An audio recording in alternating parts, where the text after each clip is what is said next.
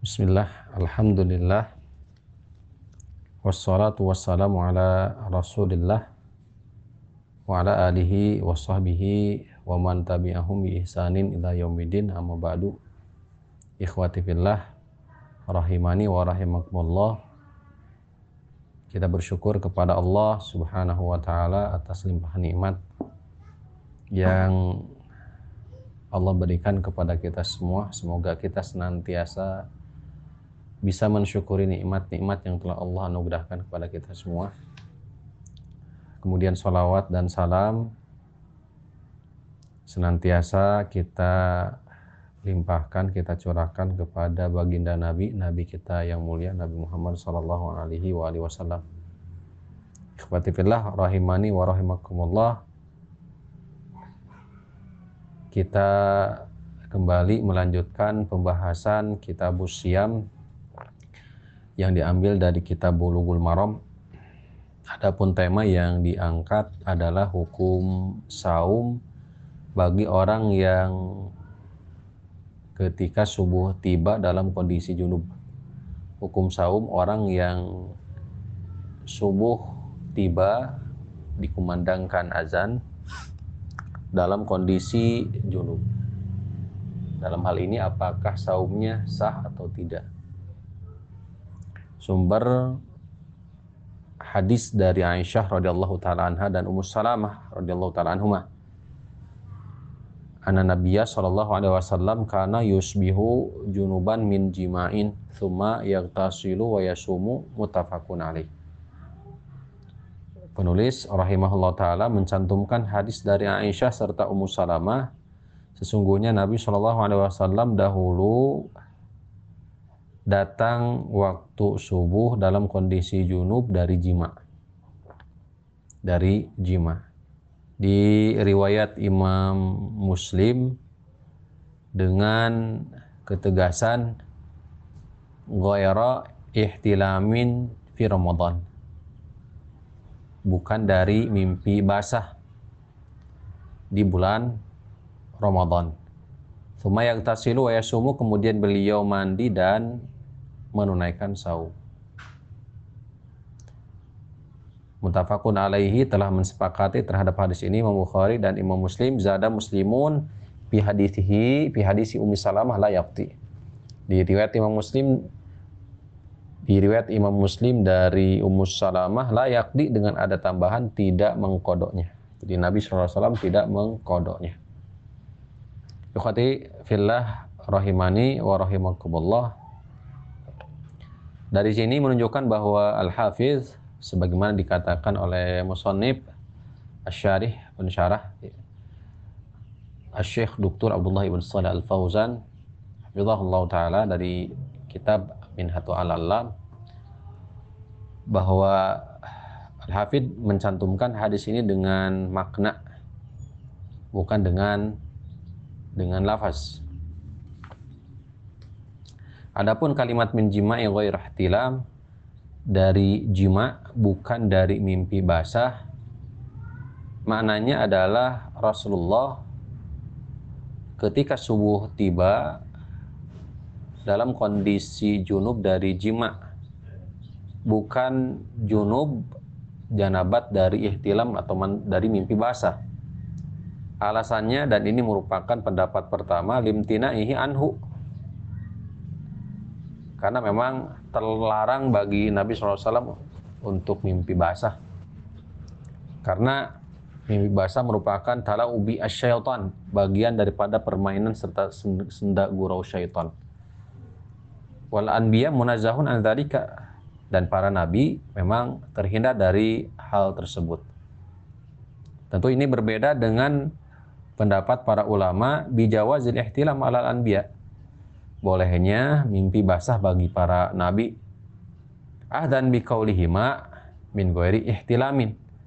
Hal ini berdasarkan hadis yang sedang kita kaji, perkataan Aisyah dan Ummu Salamah.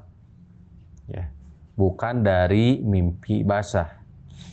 Walau kana ihtilamu la seandainya mimpi basah tidak terjadi kepada Nabi, Lima kana lihadal istisna maknan. Tentu pengecualian dalam hadis ini tidak ada faidah, tidak ada makna.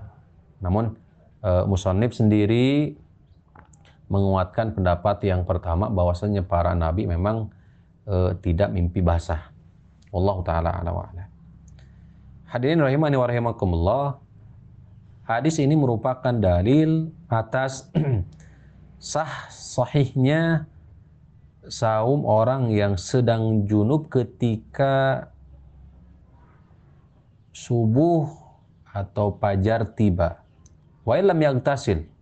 Walaupun dia belum mandi illa ba'da tulu'il fajri kecuali setelah tulu'ul fajri setelah terbit fajar. Waqad haka al-waziru ibnu Hubairah telah dihikayahkan oleh al-wazir ibnu Hubairah serta sepeninggalan beliau An-Nawawi Imam An-Nawawi ijma al-ulama ala dalika. Kesepakatan atau ijma para ulama atas ini. Waqad waqal khilaf dan sejatinya telah terjadi perselisihan dalam masalah ini di kurun yang pertama mufaddalah min hadhihi al-ummah yang dimaksud adalah para sahabat serta tabi'in di mana ter, telah terwirid dari sahabat Abu Hurairah radhiyallahu taala anhu qala Rasulullah di mana Rasulullah sallallahu alaihi wasallam bersabda hadis yang secara muallak dikeluarkan Imam Bukhari, diwasalkan disambungkan Imam Ahmad, Ibnu Hibban dengan sanad yang sahih.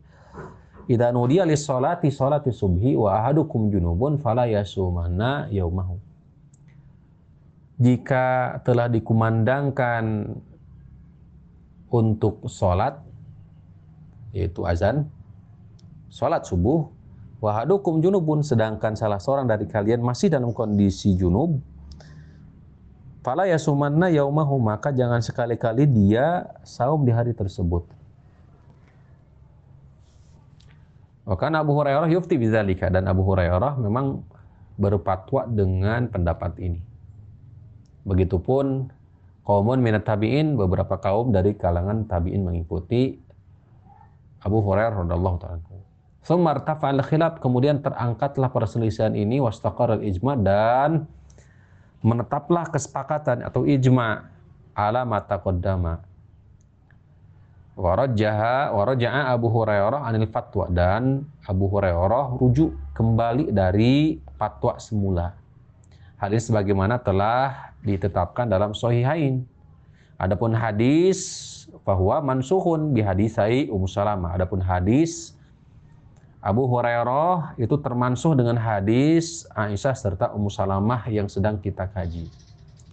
Nah, qala dzalika al-Baihaqi an Ibni Mundir sebagaimana telah ternukil oleh Imam Baihaqi dari Ibnu Munzir. Begitupun Imam Al-Khattabi. Wakila innahu marjuhun qad aradahu ma huwa minhu. Ada juga yang mengatakan bahwa hadis ini, hadis Abu Hurairah ini adalah marjuh, tidak rajih dan menyelisihi ma huwa asahu minhu, sesuatu atau hadis yang lebih sahih darinya. Fayaqaddamu alaihi, maka hadis hadis Aisyah dan hadis Ummu Salmah lebih dikedepankan daripada hadis Abu Hurairah radhiyallahu taala anhu. Wa hadza Bukhari dan ini adalah pendapatnya Imam Bukhari Fainahu lama rawah hadis Aisyah wa Ummi Salamah ketika beliau meriwayatkan rahimahullahu taala dua hadis ani Aisyah dan Ummu Salamah. Zakar ma warada an Abi Hurairah beliau pun mencantumkan hadis Abu Hurairah, mewiridkan hadis Abu Hurairah. Qala wal awal asnadu kata beliau kata Imam Bukhari hadis yang pertama yaitu hadis Aisyah dan Ummu Salamah itu lebih asnad, lebih nyambung. Lebih kuat dijadikan sebagai sandaran. Ay aqwa isnadan lebih kuat sanadnya. Lianahu warada anhuma dzalika min turukin katsiratin jiddan karena memang terwirid darinya dari Aisyah serta Ummu Salamah itu jalur yang banyak sekali. Sampai Ibnu Abdul Bar mengatakan innahu soha wa tawattara bahwa hadis tersebut sahih dan mutawatir. Adapun yang terwiri dari Abu Hurairah, faqad warada annahu lam yasma'hu minan nabi. Justru ada yang mengatakan bahwa Abu Hurairah tidak langsung mendengar dari Nabi SAW, akan tetapi beliau mendengarnya biwasi biwasi totil fadli wa usama. dengan jalur atau pelantara Al-Fadl dan Usama. Wallahu taala ala wa ala. Kemudian hadirin rahimani wa rahimakumullah, hadis ini pun merupakan dalil bolehnya mengakhirkan mandi janabat. Mandi janabat diakhirkan. Wa la tajibu al mubadarata bidzalika dan ini tidak wajib disegerakan sejatinya. Hal ini sebagaimana eh, telah dibahas dalam pembahasan toharoh kita toharoh dan tentu ada catatan tersendiri, ada adabnya tentunya. Nanti bisa dirujuk ke kitab toharoh. Kemudian pembahasan yang berikutnya yukosu alal junubi al haid dikiaskan atas uh, orang yang sedang junub itu adalah wanita haid. Idan kotong ada muha jika darahnya sudah berhenti waroat tuhro qablal fajri dan beliau dan dia melihat tuhur suci bersih sebelum fajar. Fa innaha tasumu ma'annas maka wajib bagi dia saum menyertai manusia, orang-orang walau lam tagtasil illa ba'datul fajri walaupun belum mandi kecuali setelah terbitnya fajar atau salat subuh. Lianah idin min ahli saum. Karena sejatinya dia sudah termasuk dari ahli saum, ahli saum, ahli siam. Itu orang yang memang e, ditunjuk ya untuk menunaikan apa? saum wa 'alaiha tubadira bil ghusli litusalli al-fajr fi waqtiha dan kewajiban dia semestinya dia menyegerakan untuk mandi supaya dia bisa uh, sholat subuh sesuai atau tepat pada waktunya. Wa nufasa mislul haid fidalika begitupun wanita nipas sama seperti wanita haid juga kasusnya. Allah taala ala Terakhir wa idah ta'lama soim dan ketika orang yang sedang saum mimpi basah pinah hari Ramadan di siang bulan Ramadan fainahu yagtasilu wa saumuhu sahihun. Maka kewajiban dia adalah mandi sedangkan saumnya adalah sah. Saumnya sah kewajiban dia adalah mandi li'annahu laisa lahu ikhtiyarun ya, laisa lahu ikhtiyarun fi dzalika wala irada karena pada dasarnya tidak ada pilihan dan sejatinya tidak ada juga keinginan. Allah Subhanahu wa taala berfirman dalam Quran surah Al-Baqarah ayat 286, A'udzubillahi minasyaitonirrajim, la yukallifullahu nafsan illa wus'aha. Allah tidak memberikan beban kepada satu jiwa, satu diri kecuali dia mampu. Allah taala wa alam. Demikian mudah-mudahan bermanfaat. Wassallallahu ala nabiyyina